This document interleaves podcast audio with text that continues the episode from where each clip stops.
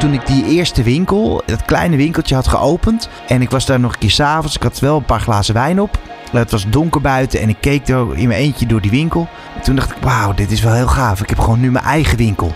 Dit is allemaal voor mij. Elke fles die je ziet is voor mij. Al die kasten zijn voor mij. Ik huurde het dan, maar dit pandje is van mij. Iedereen moet voor zichzelf beginnen. Dat is echt het leukste wat er is. Welkom bij Jong en Ondernemend. In deze podcast praat Oscar met bevlogen en eigenzinnige ondernemers. Waarvoor komen ze hun bed uit? Wat kunnen we van ze leren? Van brute blunders tot zinderend succes.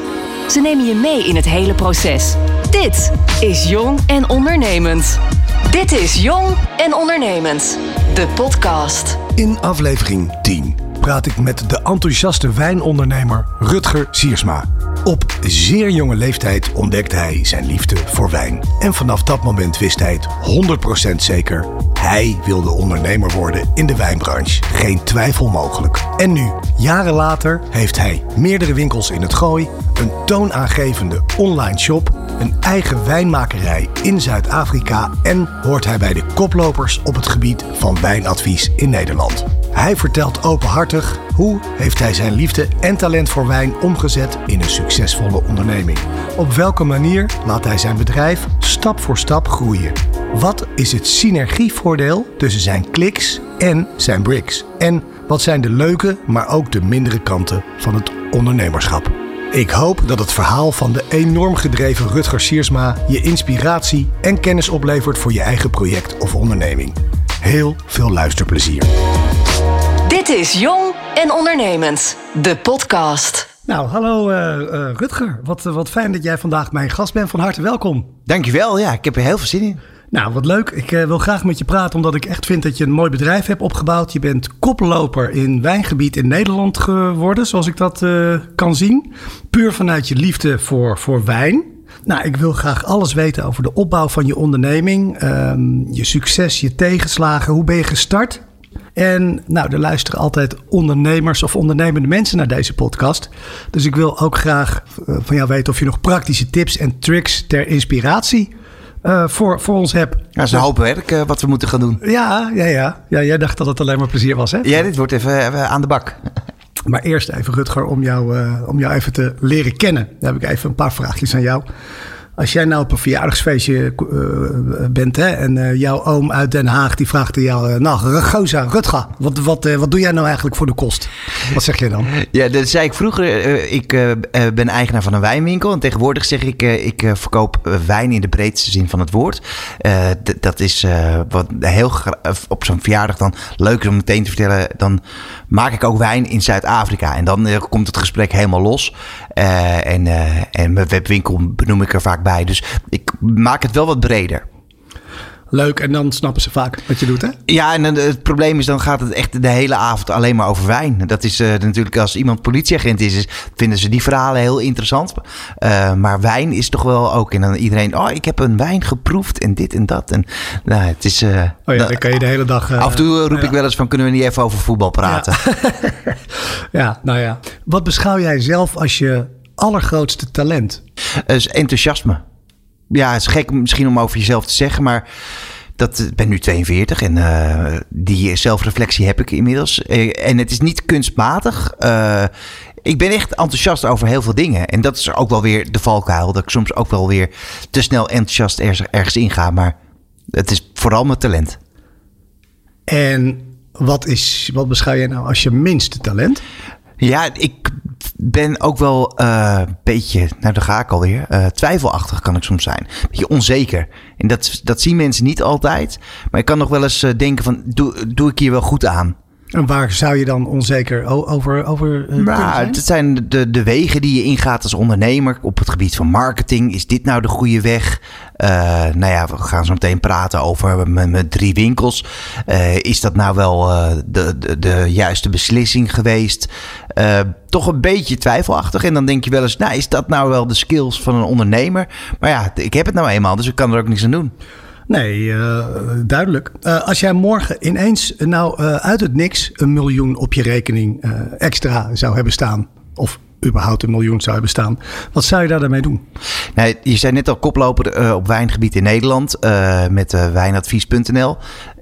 dat zijn we nog niet qua volume. Er zijn echt wel een paar veel groter. En daar zou ik mee willen competeren door sterker te worden meer te investeren in marketing. En veel groter dat echt heel Nederland die naam gaat kennen. En ja, met een miljoen kom je in een end.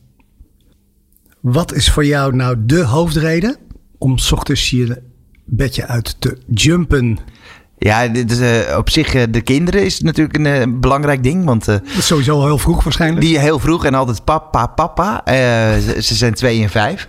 Maar nee, ik ben ja, ontzettend leuk om te werken. En mijn werkdagen zijn elke dag verschillend tegenwoordig. dus ja, dit is heel suf antwoord. Maar ik vind werken gewoon echt heel leuk. Dus ik, ja, dat is hem. Welke vraag mag ik absoluut niet vergeten om te stellen vandaag in, eh, in, in, deze, in ons gesprek? Wat was ik geworden als ik niet wijnhandelaar was geworden? Oké, okay, die is genoteerd. Rutger, hoe ben jij eigenlijk in de wijnwereld terechtgekomen? Op, op welke leeftijd? Ja, lang geleden, toen ik 15 was. Toen uh, mijn moeder eh, is nog steeds kleuterjuf trouwens. Dat moet, mag wel even gezegd worden. 78 jaar staat nog altijd voor de klas. Nee, serieus? Ja, het is ongelooflijk. Ja. Oh, maar dat, uh, dat even... Fantastisch. Ze luistert ongetwijfeld nu. Uh. Ja. maar de, de, ze was uh, kleuterjuf en ik was 15. En er was zo'n 10 minuten gesprek. En daar stond een, een, vader van een kind. En die had net een wijnwinkel geopend in Bussum. Wijnwinkels in 1995 spreken we. Die waren er nog niet zo heel veel. En nou, de, die winkel die, eh, die liep lekker en hij had eigenlijk wat hulp nodig op zaterdag en met kerst. Dus toen zei mijn moeder, nou, ik heb nog wel een sterke zoon en die kan, uh, kan wel komen helpen. En dat was ik. En ik vond dat toch wel echt uh, grappig, want het was sjouwen met dozen, kartonnen dozen leeg scheuren. En om vijf uur op zaterdag ging die winkel dicht. En toen stonden er een paar flessen wijn open. En ik mocht ook een slokje proeven. Dat kon in die tijd makkelijk. En je was 15. Uh, 15 jaar. Tegenwoordig wordt daar moeilijker over gedaan. Maar, ja, vroeger kon dat. Dat kon allemaal. En ik ruik aan die wijn en kijk naar, naar de kleur ervan. En die mensen die zitten uh, allemaal te roepen van... nou, dat uh, smaakt naar kasses en naar besjes en naar sigarenkistjes. Ik denk, die mensen zijn helemaal gek geworden. Want dat is toch gewoon gemaakt van druiven. Nou, toen kreeg ik een boek mee naar huis. Ben ik gaan lezen over wijn. En uh, elke zaterdagmiddag proeven. En op een gegeven moment uh, een glas krijgen en niet weten wat erin zit. En moest ik gaan raden. Nou, de eerste keer roep je Bordeaux terwijl het Bourgogne is en andersom. En zo groeide ik er steeds meer in. En uh, ja, uiteindelijk... dus op dat moment ontstond eigenlijk de liefde? Ja, ja. Als je het zo mag zeggen, voor, voor, en de interesse voor wijn. Ja, en dus met name in het wijngebied Bordeaux. Daar heb je één château, Mouton Rothschild. En die heeft de marketing zo goed op orde. Dat elk jaar een beroemde kunstenaar vragen ze om een etiket te ontwerpen. En eigenlijk was dat uh, meteen dat ik dacht, wauw, dat is marketing, onderneming en hele vette wijn. Wijn waar mensen 600 euro per fles voor betalen. Dit, hier wil ik veel meer van weten. Hoe lang heb je daar op die zaterdagen gewerkt? Tot en met uh, mijn... Uh, tot 19 jaar was het alleen op zaterdag. Ja. En toen heb ik nog de school voor journalistiek gedaan. Eén jaartje. en toen werd ik vriendelijk verzocht daar weg te gaan, want ik had amper punten. En toen ben ik daar parttime in loondienst gegaan. Uh, en na een paar maanden werd me vriendelijk verzocht om fulltime te komen. En daar ben ik behoorlijk die winkel gaan runnen. Dus echt op de vloer het uh, productiewerk doen en uh, elke klant helpen bijna. En dat heb ik tot mijn 25ste volgehouden. Als je dat nog kan terughalen, wat is nou het belangrijkste dat je in die periode geleerd hebt? Want je was toch maar een jong pikkie. Hè? Wat heb je daar nou het meest geleerd? Wel over wijn praten, hoe je dat enthousiast kan overbrengen. Met juist de, juiste hoeveelheid woorden. Dat je niet te, te, het te moeilijk maakt, maar wel dat mensen het begrijpen. Uh, vriendelijk zijn tegen iedereen. Dat is het meest goedkope wat er is. Dat kost echt geen geld. Maar aardig zijn en, en uh, de deur netjes open houden voor iemand. Uh, um, maar ik heb ook best wel veel geleerd hoe ik het niet moet doen. En kun je daar een voorbeeld van noemen? Wat je dan bijvoorbeeld. Uh, ja, laat, laat ik het voorop stellen, want uh, de podcast wordt uh, veel beluisterd. ik heb dus heel veel geleerd van Eduard Mol, hè, de, de, wijnwinkel in Bussum. echt over, over de wijnen, fantastisch. maar het was wel behoorlijk blijven hangen in een ouderwetse stijl. Met, er werd één keer in de maand een nieuwsbrief per post verstuurd. er, ja, je kon nog je bestelling faxen. En ik zag gewoon dat de wereld aan het veranderen was.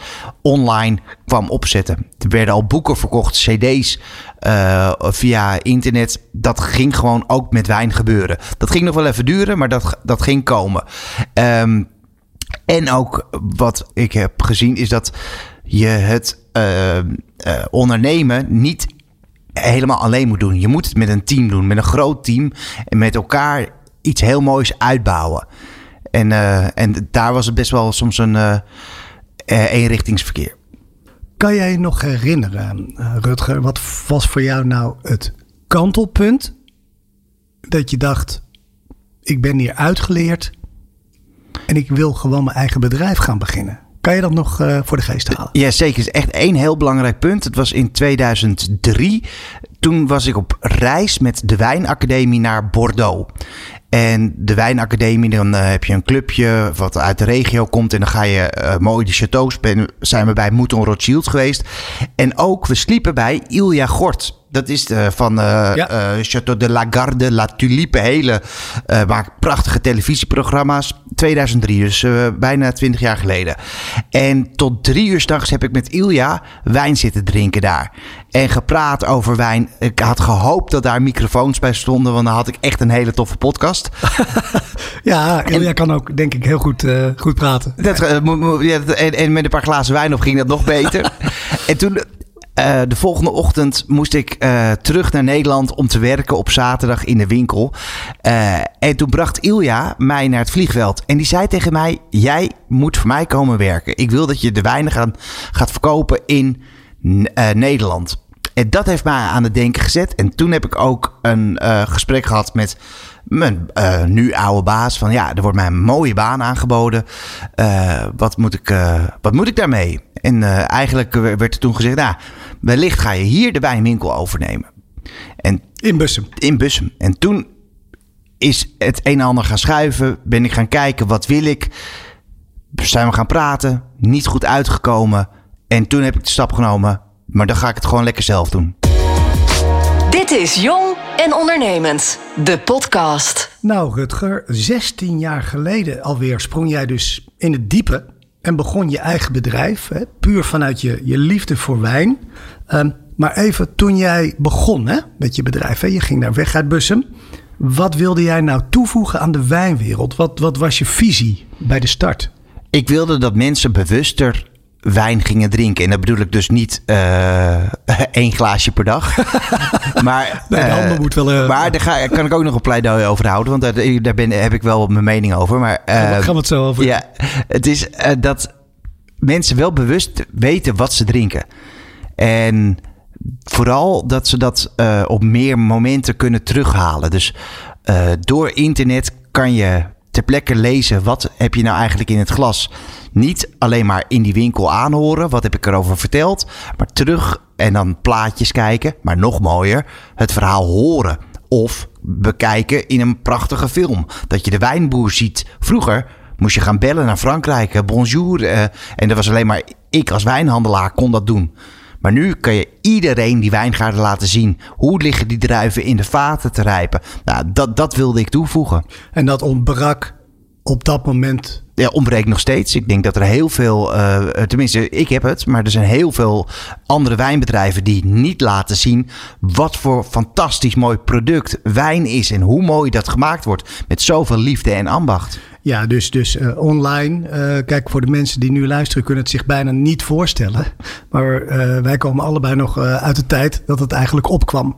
En jij zag dat dus meteen vanuit de wijn als een soort opportunity toch opende jij ook jouw eerste fysieke zaak. Ja, ja klopt. Uh, waar was dat? Dat was in Huizen. In Huizen. En, en uh, wat is de reden waarom jij je eigen, eigen winkel ook begonnen bent? Ja, het, soms uh, gebeuren dingen uit een beetje toeval. En ik had wijnadvies.nl opgestart. Er stond een hele mooie website. Wijnadvies.nl, zo heet jouw... Ja, ja en ehm, ik, op een gegeven moment woonde ik in een uh, appartementje, 65 vierkante meter, 6 hoog. En er kwamen daar uh, dozen wijn te staan. En op een gegeven moment kwamen de vertegenwoordigers in mijn huiskamer. En ik was 26. En nou ja, er stonden uh, banken, schots en scheef. En het was allemaal een beetje, dat, dat ging gewoon eigenlijk niet meer. en dus kwam een heel leuk pandje te huur voor 1250 euro in de maand. En dat was in die tijd ja, betaalbaar. Het was een klein pandje. En een klein pandje was ook wel handig.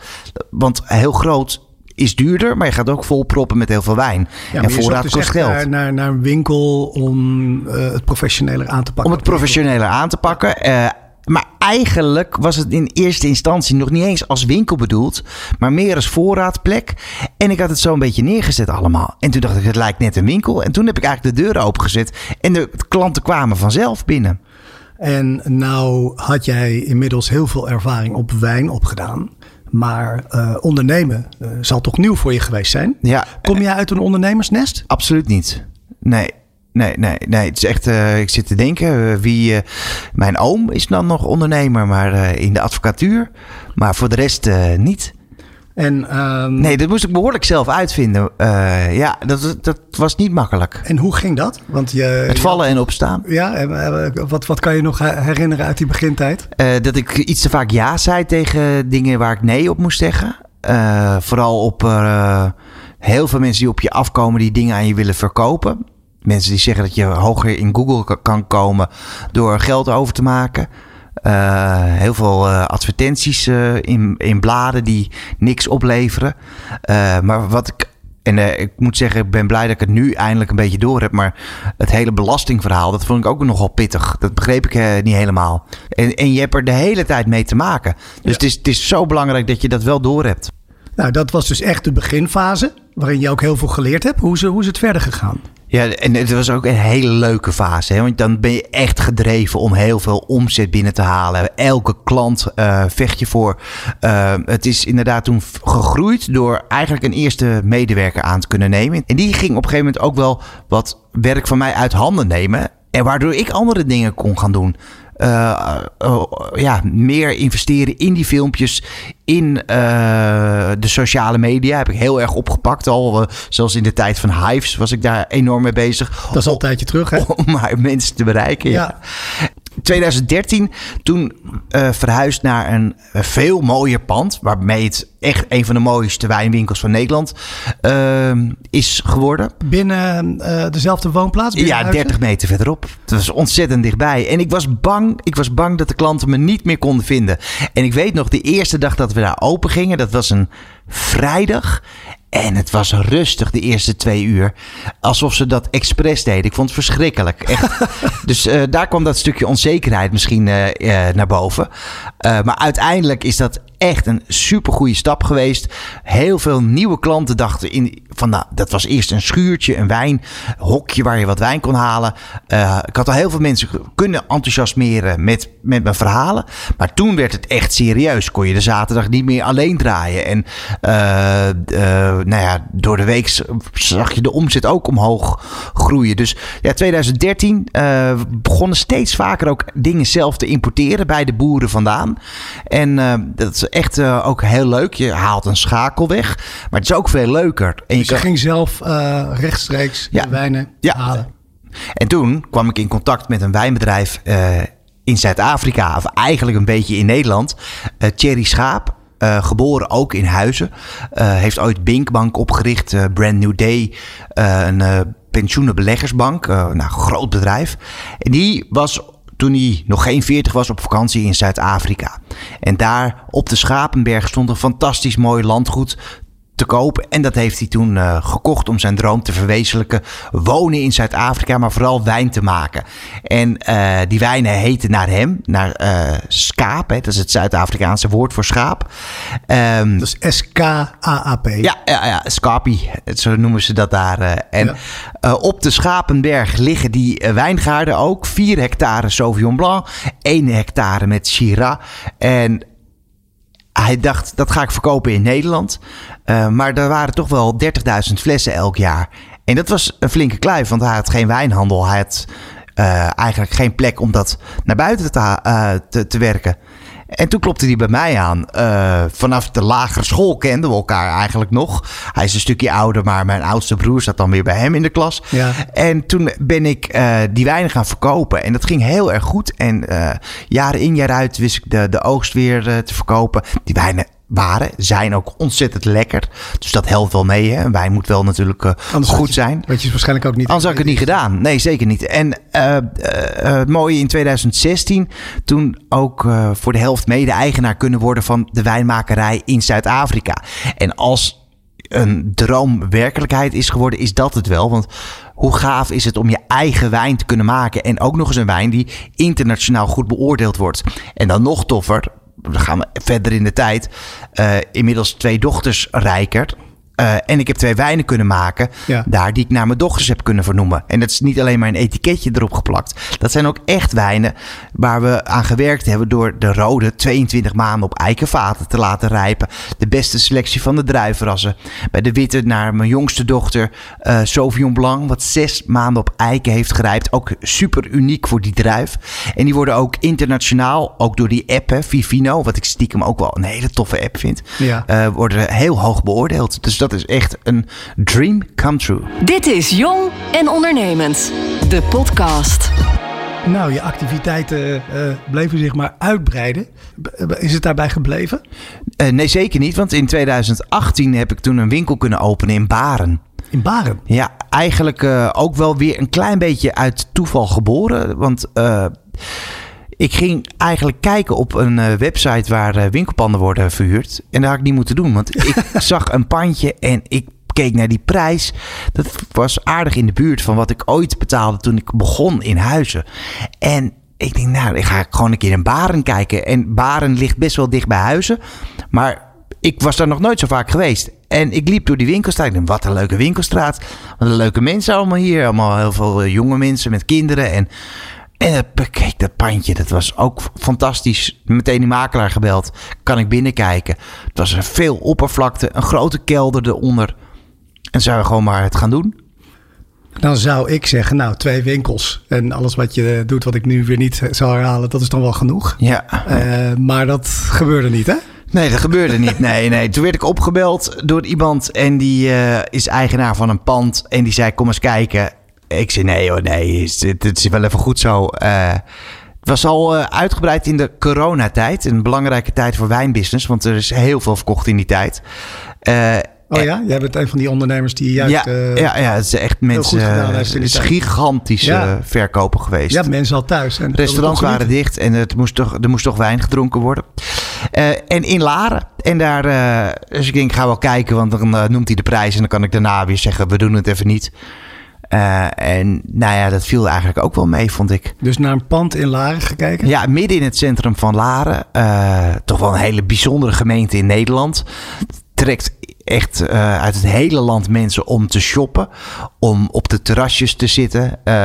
Als er iets goois is, dan is het Laren wel. En dan zitten we ook nog echt aan de brink. We kijken uit op de fontein.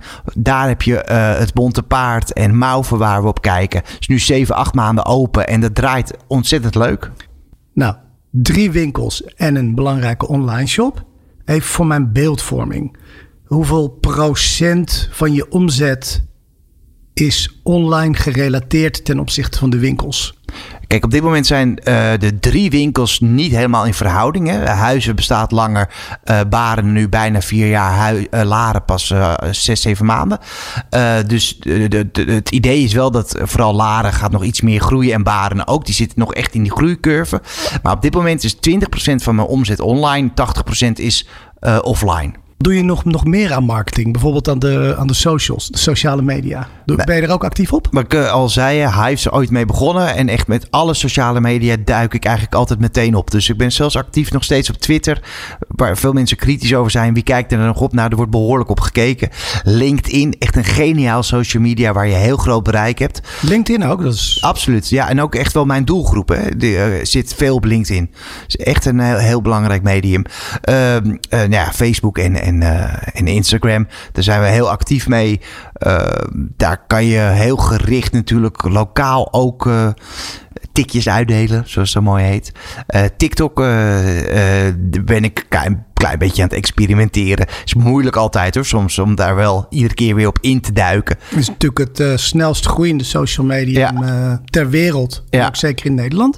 Hoe zit dat met alcohol en social media? Ja, best wel lastig. Ja, het is lastig, want je moet overal wel goed aangeven dat het voor boven de 18 is. We hebben al best wel een paar keer zijn we op de vingers getikt door Facebook of Meta. En uh, om daar ook nog eventjes buiten de socials om, de Nederlandse uh, autoriteiten zijn ook behoorlijk in de gaten aan het houden dat je niet verkeerde dingen doet buiten de alcoholwet. Je mag dus niet iets met meer dan 25% korting verkopen. Dat is pas sinds 1 juli vorig jaar. En als je dat wel doet, krijg je meteen een hele fikse boete. En de wetgeving dat als je iets thuis bezorgt bij iemand altijd een leeftijdscheck moet doen. Dat zijn ook allemaal extra kosten wat het wel lastiger maakt. En ben je het daarmee eens of vind je het een vervelende regel? Ja, een goede vraag. Ik vind, uh, uh, ik ben het, uh, ik vind het een vervelende regel voor mij. Maar ik begrijp dat er namelijk andere wijn, wijnbedrijven, slijterijbedrijven, wel meer wijn, dingen besteld worden door jongeren. En dat is niet de bedoeling. Nee, kijk, als je op TikTok zit en uh, je bestelt als uh, 15-jarige meteen... Uh, een fles vodka, ja, dat is gewoon niet handig. Nee, nee, dat is niet handig. Nee, dat is niet handig. Dus Komt je branche ook niet echt goed in wezen. Nee, nee, nee, nee. En dat is eigenlijk wat, wat ik ook nog als pleidooi had. Ik had het net over wees bewust wat je drinkt. Dat ja. is wel echt iets wat ik ook wil uitstralen.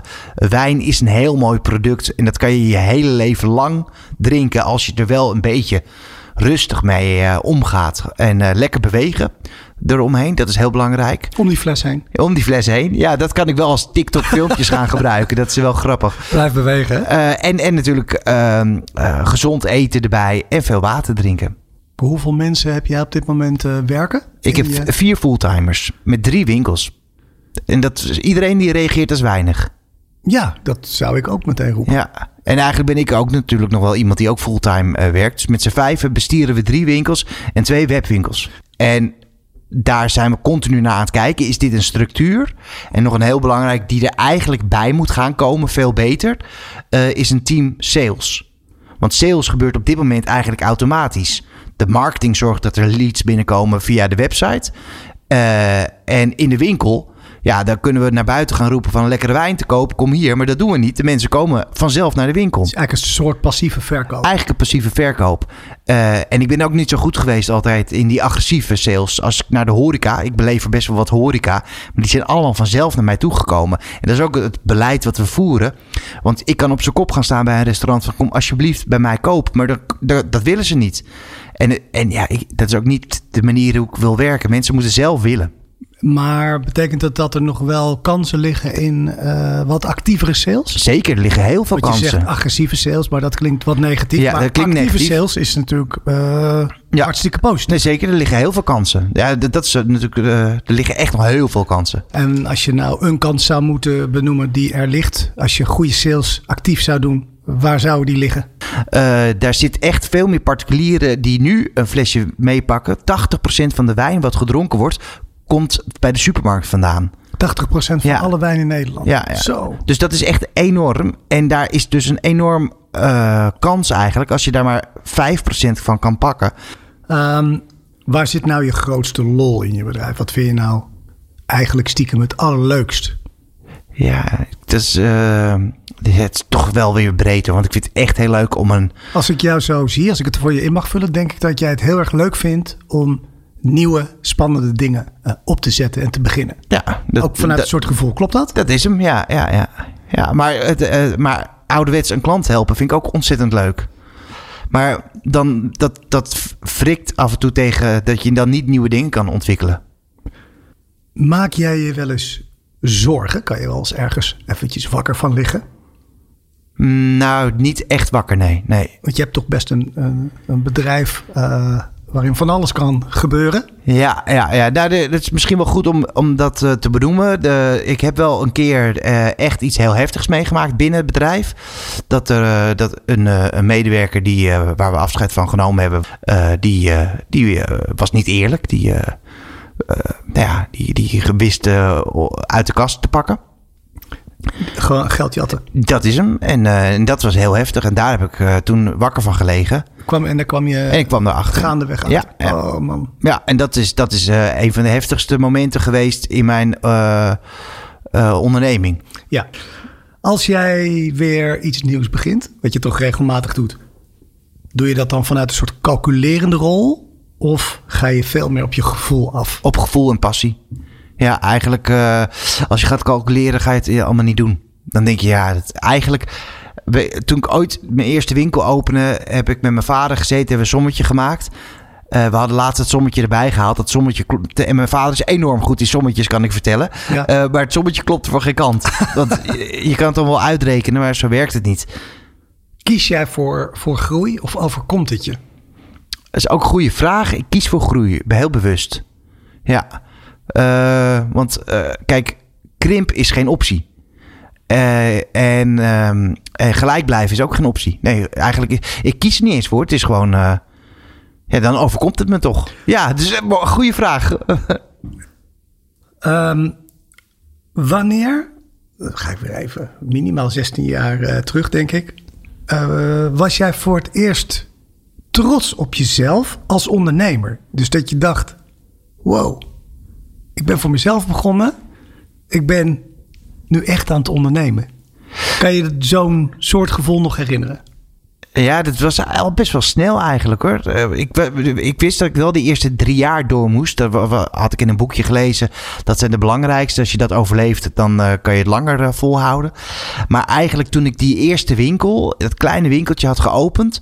En ik was daar nog een keer s'avonds. Ik had wel een paar glazen wijn op. Het was donker buiten en ik keek er in mijn eentje door die winkel. En toen dacht ik, wauw, dit is wel heel gaaf. Ik heb gewoon nu mijn eigen winkel. Dit is allemaal voor mij. Elke fles die je ziet is voor mij. Al die kasten zijn voor mij. Ik huurde het dan, maar dit pandje is voor mij. Dit is Jong en Ondernemend. De podcast.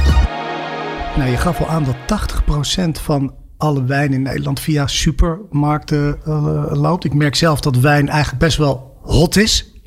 Je ziet ook veel individuele wijnmakers en ook steeds meer mensen die het eigenlijk aanbieden. Dus je zou wel kunnen zeggen dat die wijnmarkt best heel overvol is. Ja. Wat is nou, nou juist jouw, jullie geheim? Waarom kan je groeien in deze overvolle markt? Het is dat we wel persoonlijk zijn en, en ook uh, heel benaderbaar. En ook uh, het verhaal vertellen op een normale manier. Niet hoogdravig, ook niet uh, op een peppy en kokkie manier. en het mooie, ik zeg altijd bij wijn. Voor iedereen is er een taal die begrepen kan worden. Uh, uh, maar ik denk dat wij wel een beetje de algemene mensen wat meer aanspreken. Uh, we hadden het net over TikTok. Nou, er zijn daar mensen die wijn promoten met dansjes. En ja, dat zie ik mezelf niet zo snel doen. dus ik probeer wel dicht bij mezelf te blijven. En dat is denk ik ook wel dat, dat het geheim is dat veel mensen dat, uh, mij dan daar ook in vertrouwen. En denken, nou, aardige gozer, uh, die wijnen van hem, die zijn vast ook lekker. Betekent dat dat je ook veel vaste klanten hebt? Heel veel vaste klanten, ja. ja en die probeer ik wel ook te behouden, maar ook vooral door mezelf te blijven. Wat zijn dan de meest gestelde vragen als mensen bij jullie de winkel Waarin willen ze advies? Welke wijn moet ik uh, drinken bij kabeljauw? Welke wijn uh, moet ik bij uh, mijn Indische maaltijd? En dat, dat zie je heel veel. En daar focussen online natuurlijk ook heel erg op. We hebben heel veel recepten online. We zijn steeds meer met uh, influencers die met uh, food bezig zijn, ook aan het connecten. Dat we daarin ook uh, zeggen: Oh, je hebt dat gemaakt. Nou, dan adviseren wij die wijn erbij. Mogen we je foto gebruiken online? En dat zijn natuurlijk een goed idee. Allemaal gave dingen waardoor je krachten bundelt. Wat is nou de meest verkochte kleur wijn? Op dit moment is het letterlijk 50-50 rood-wit bij ons. Ja. Um, en rosé? Rosé zit daar tussenin. Dat, eh, dat is echt een piekmoment. Als het mooi weer is, dan verkoop je uh, veel rosé. Maar wat we heel veel verkopen is Chardonnay. Dat is eh, nog altijd enorm populair. In welk segment verkoop jij je wijnen? Kan je daar iets over zeggen? Ja, dat weet ik wel. Gemiddelde verkoopprijs per fles is 8 euro. 8 euro. En hoe moet ik dat zien ten opzichte van de supermarktwijnen? Daar is het schrikbarend. Uh, dat is namelijk onder de 4 euro per fles. Kan je daar en dat nog... kan niet, hè? Dat kan dat niet? Nee, dat maar kan, waarom kan dat niet? Daar kan niks op verdiend worden. Een, fles, een fles wijn, uh, de lege fles koop je bij een fabriek voor 50 cent. Uh, dan moet er een kurk in of een schroefdopje op. Dat is 20 cent. Dan uh, moet er een etiket opgeplakt worden. Dat is 15 cent. Dan moet er een capsule overheen. Dat is nog eens een keer 10 cent. Die zes flessen moeten in een kartonnen doos. Dat is nog een keer 20 cent. En dan heb je nog geen wijn in die fles. En dan moet er nog transport. Het moet naar Nederland komen. Er moet een wijnboer op verdienen. Uh, er moet accijns uh, overheen betalen. Dus uh, onder de 5 euro wordt er bijna niks verdiend. En is die wijn dan in sommige gevallen in jouw ogen nog acceptabel om te drinken? Of is, het, is dat gewoon bocht? Nou, er, is wel iets veranderd in de afgelopen twintig jaar dat er niet heel veel bocht meer gemaakt wordt. Omdat je het allemaal met computertjes en met poedertjes toch een beetje kan manipuleren. Dus die hele goedkope wijn is vooral chemisch. Maar Coca-Cola is ook chemisch. Uh, dus je kan het prima drinken. Als je het in het zonnetje met een leuke meid naast je aan het drinken bent, gaat het helemaal goed komen. Uh, je kan wel wat eerder koppijn krijgen, wellicht. Uh, maar een luxere wijn zal meer kosten. Daar is zuiverder gemaakt. En dat is natuurlijk ook de trend. Uh, Bio-wijnen, natuurwijnen, uh, wijnen van wijnboeren die zelfstandig bezig zijn. Zie je dat als, uh, als, als trend? Zeker. Dat is, natuurlijk, we willen weten waar komt die wijn vandaan. Maar ook wie maakt die wijn? Het verhaal daarachter. Ja, is dat een robot die het maakt? Of is het Jean-Pierre Luc Le, Leblanc? Het land waar jullie de meeste wijn vandaan verkopen, is dat Frankrijk? Is, nee, is Italië. is Italië. Ja, Nederland is echt dol op Zuid-Italiaanse wijnen. En er komt wel een stukje dilemma in. Het zijn niet mijn favoriete wijnen. Uh, maar Zuid-Italië, daar heb je uh, bij Apulië en Sicilië uh, rode wijnen die wat zwoeler zijn, wat voller, wat niet wrang. En dat vinden heel veel mensen heel erg lekker. dat noemen we echt wel omzetrammers. Ja. Staat ook op het etiket, hè? Ja, ja zeker. Ja. Omzetrammen. Maar in, in het Italiaans, dus niemand weet het. Nee, nee precies. Dan klinkt het nog heel, uh, heel ja. ziek. Is wijn drinken uh, voor wat oudere mensen, laten we zeggen voor 40-plussers? Nee, absoluut niet. Nee, ze hebben steeds meer jongere mensen wijn aan het drinken. 20 plus, 18 plus. Uh, gelukkig maar. Weg met al die nare briezer dingetjes. En ook vodka. En, en, en het is allemaal natuurlijk, dat is echt troep. worden mensen boos als ik dat zeg misschien. Maar absoluut, wijn is gewoon de alcoholische drank die dan nog gedronken kan worden. En bier trouwens hoor, vind ik ook lekker. Uh, je noemde net al een paar trends. Natuurwijnen, biologisch, uh, storytelling. Zijn er nog andere... Ja, als je in je glazen wijn, wel in jouw geval je glazen fles kijkt... Wat zie je als trends? Nou, die Ten prijs die ik net noemde, hè, mensen willen graag niet te veel geld uitgeven voor wijn. En helemaal ook in de horeca voor, voor een huiswijn. Dus die, die prijs ligt onder druk. En er is wel een antwoord op gevonden. En dat is met name in Oost-Europa, Roemenië, uh, Bulgarije, uh, die hoek. Daar kan nog door lage lonen uh, relatief de beste prijs-kwaliteit vandaan komen. En ook in de hogere kwaliteit uit die hoek kunnen ze er ook nog wel eens winnen van Italië en Frankrijk en Spanje. Dus Oost-Europa is echt een gebied wat we in de gaten moeten houden. Alleen ook door de oorlog in Oekraïne ligt dat ook weer onder druk. Er zijn heel veel flesfabrieken in Oekraïne, allemaal gebombardeerd, waardoor er weer een flestekort is. Dus dat zijn wel allemaal lastige situaties. Maar Oost-Europa is de trend. Oké, okay, zijn er daarnaast nog, uh, nog, nog trends? Uh, en Nederlandse wijn. Dat is opkoming, maar... Uh, ja, de Nederlandse wijn? Zeker, maar het wordt zo kleinschalig gemaakt dat het in verhouding wat duurder is. Maar het is wel topkwaliteit kan het zijn. En, en waar, het is, waar wordt dat uh, voor? Nou, echt door heel Nederland eigenlijk. Maar Limburg heb je wat. Je hebt in het oosten, in de Achterhoek uh, wordt wijn gemaakt. Maar ook best wel dichtbij waar wij nu zitten. In het centrum van uh, Nederland. In, in de buurt van... verdenken hoor. dat is in Amersfoort in de buurt. Daar heb je ook een paar wijngaarden. Nijkerk, daar moest ik zeggen. Wat zijn nou de duurste wijnen die jij verkoopt? Ik heb in de winkel Romanée Conti liggen. Dat is het beste uh, wijnbedrijf uit de Bourgogne. Kost uh, 3000 euro voor één fles. Ik heb Mouton Rothschild uh, liggen. ik heb uh, Ayuyong. Dat is een Chinese wijn, heb ik liggen. Kost ruim 300 euro per fles. Angelus uit de Saint-Emilion. Dus, altijd de wijn die door James Bond gedronken wordt. en ja, zo, zo kan ik nog wel even doorgaan.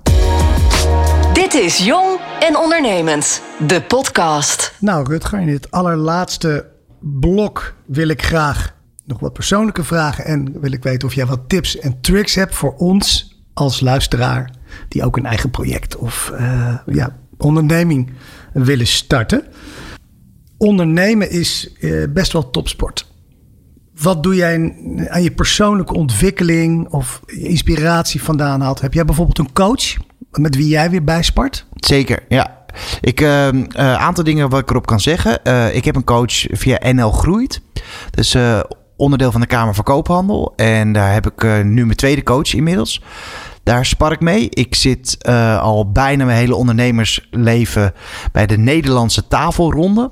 Er zijn heren onder de 40 die per dorp of per stad een club hebben, een tafel en daarmee kan je sparren. Er zitten makelaars in, er zit een, eh, een tuinman, eh, nou ja, eigenlijk een Rotary, maar dan voor onder de 40. Hele Waar spar je dan over? Bijvoorbeeld als je een heel, voorbeeld noemt. Heel breed, maar dat kan over personeel zijn, dat kan over structuur binnen je bedrijf.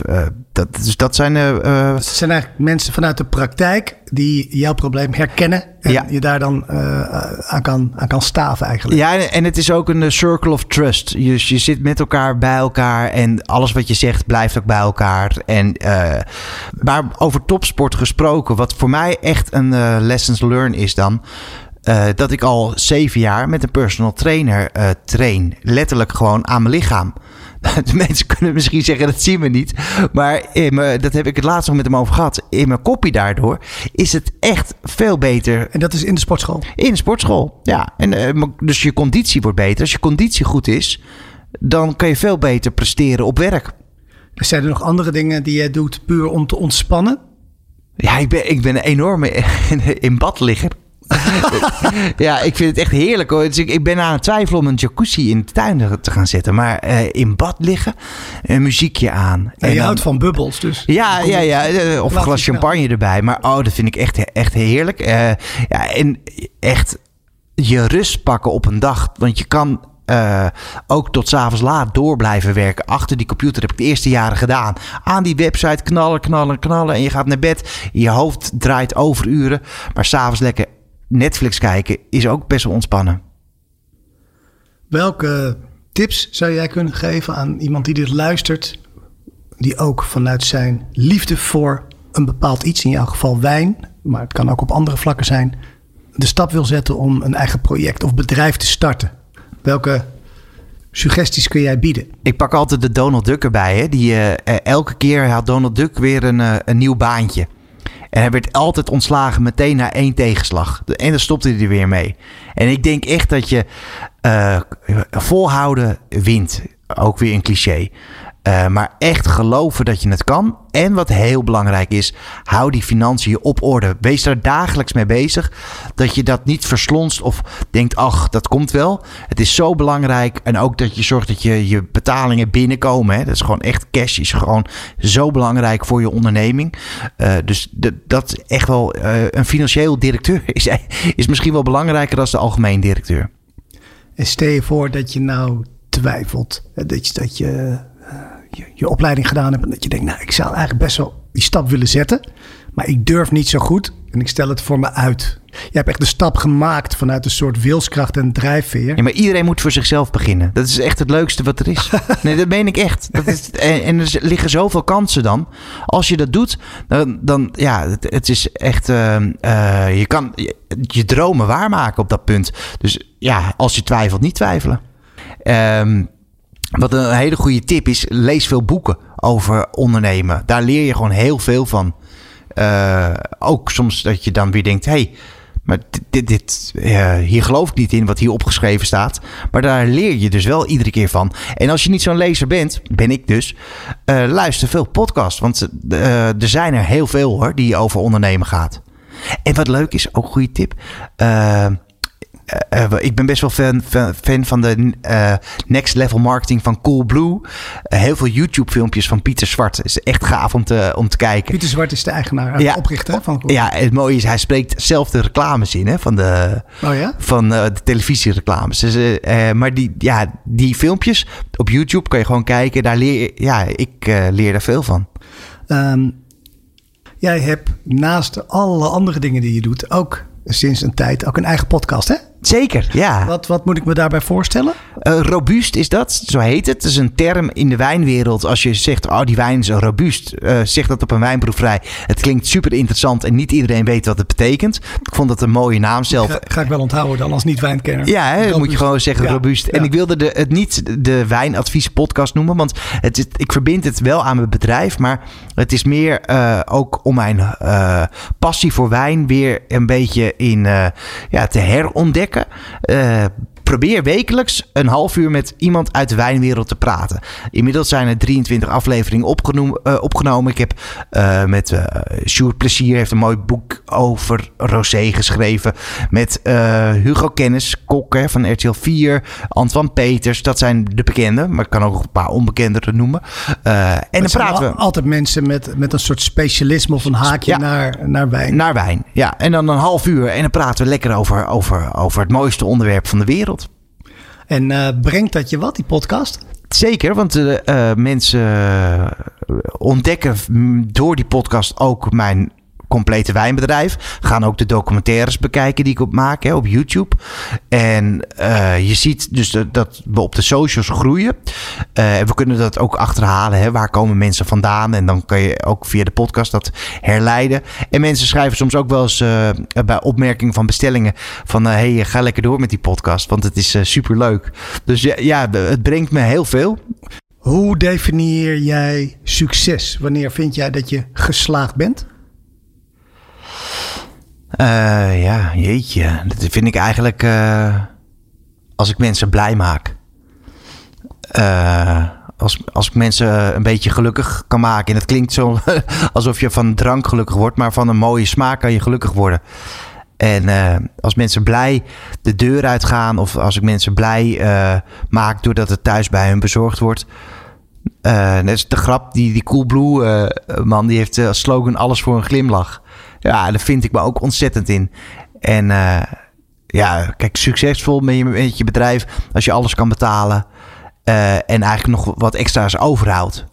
Dan doe je het al heel goed. Maar ik vind dat mensen blij maken belangrijker eigenlijk. En zijn er nog persoonlijk dingen die je, die je wilt bereiken? Ik bedoel, als je nu ziet waar je nu staat en je had het tegen jezelf gezegd uh, 16 jaar geleden had je misschien gezegd, was het misschien wel je, je ultieme doel geweest? Ja, had ik nooit gedacht dat dat. Uh, en, uh, misschien had ik het ook niet zo op papier helemaal gezet, exact. Maar als ik nou de vraag stel van: oké, okay, we nemen deze podcast over 16 jaar uh, weer op. En we dan hoop ik dat ik een documentaire heb op de nationale televisie over wijn. En dan tien afleveringen en het jaar daarna weer tien afleveringen. Dat is wat ik eigenlijk hoop. Nou, ik twijfelde eerlijk gezegd niet aan dat je dat, uh, dat, je dat gaat, uh, gaat lukken. Uh, zit er ooit een kans in dat jij je bedrijf gaat verkopen? Als ik die vraag mag stellen? Mag je stellen. en ik, alles is te koop. Dus als iemand met een goed bod ko komt, dan, dan is het zeker verkocht. Maar ik zie het eigenlijk niet zo snel gebeuren. Wat was jij geworden als je geen speler in de, in de wijnbranche was geworden? Wat, wat had je dan? Ja, ik had iets willen worden. En het, het grappige is dat ik het een klein beetje weet te creëren op di, dit moment met mijn podcast. Uh, ik heb jarenlang lokale radio gemaakt. En ik heb uh, tot zeker tien keer toe een cassettebandje bij uh, Radio 538 ingeleverd. Om, om radiodiscjockey te worden. Ah. En het liefst in de ochtend Edwin Evers opvolgen. Maar dat is, uh, ja, het, het uh, is niet ge gelukt. Ik kreeg brieven thuis van... hey, dat klinkt leuk, uh, ga zo door. Maar wij hebben je niet nodig. Maar hebben ze wel een ontzettend talent gemist? Want ik, als ik jou zo enthousiast hoor praten... dan ja, ja, wie weet. klinkt beter dan de huidige jobs. Ja, dus ja, wie weet is er toch nog ooit een plekje. Nou, dan mijn laatste vraag, Rutger. vond je trouwens een leuke, leuke podcast? Ja, vond je ik, ik, ik, vond het heel gezellig. Ja. Ik, durf, ik durf ook geen nee te zeggen. nee, inderdaad. Welke wijn uh, trek jij vanavond open om dit leuke gesprek uh, uh, te vieren? Um, poeh, dat is even denken. Want dan ga ik meteen met mijn gedachten door de kelder bij mij thuis. En ik heb dan voor vanavond, denk ik, dat is een rosé. Uh, het is niet zo heel mooi weer terwijl we dit opnemen, maar toch een rosé van Domaine Tampier. Dat is een topproducent uit Bandol. Uh, en dan is dat ook de enige rosé die je net wat ouder kan uh, drinken. Deze komt uit 2020 en eigenlijk elke rosé die je in je kast hebt uit 2020 is te oud. Maar deze kan het aan door de hoeveelheid mourvèdre die erin zit. Dat is een druivenras en dat is rosé alsof je, nou ja, de mooiste witte of juist licht rode wijn aan het drinken bent. Nou, dat klinkt echt van, fantastisch. Ik wil je enorm bedanken voor je openhartigheid, voor je enthousiasme en het, uh, en het hele leuke gesprek. Heel graag gedaan. Bedankt voor het luisteren naar Jong en Ondernemend. Graag tot de volgende aflevering.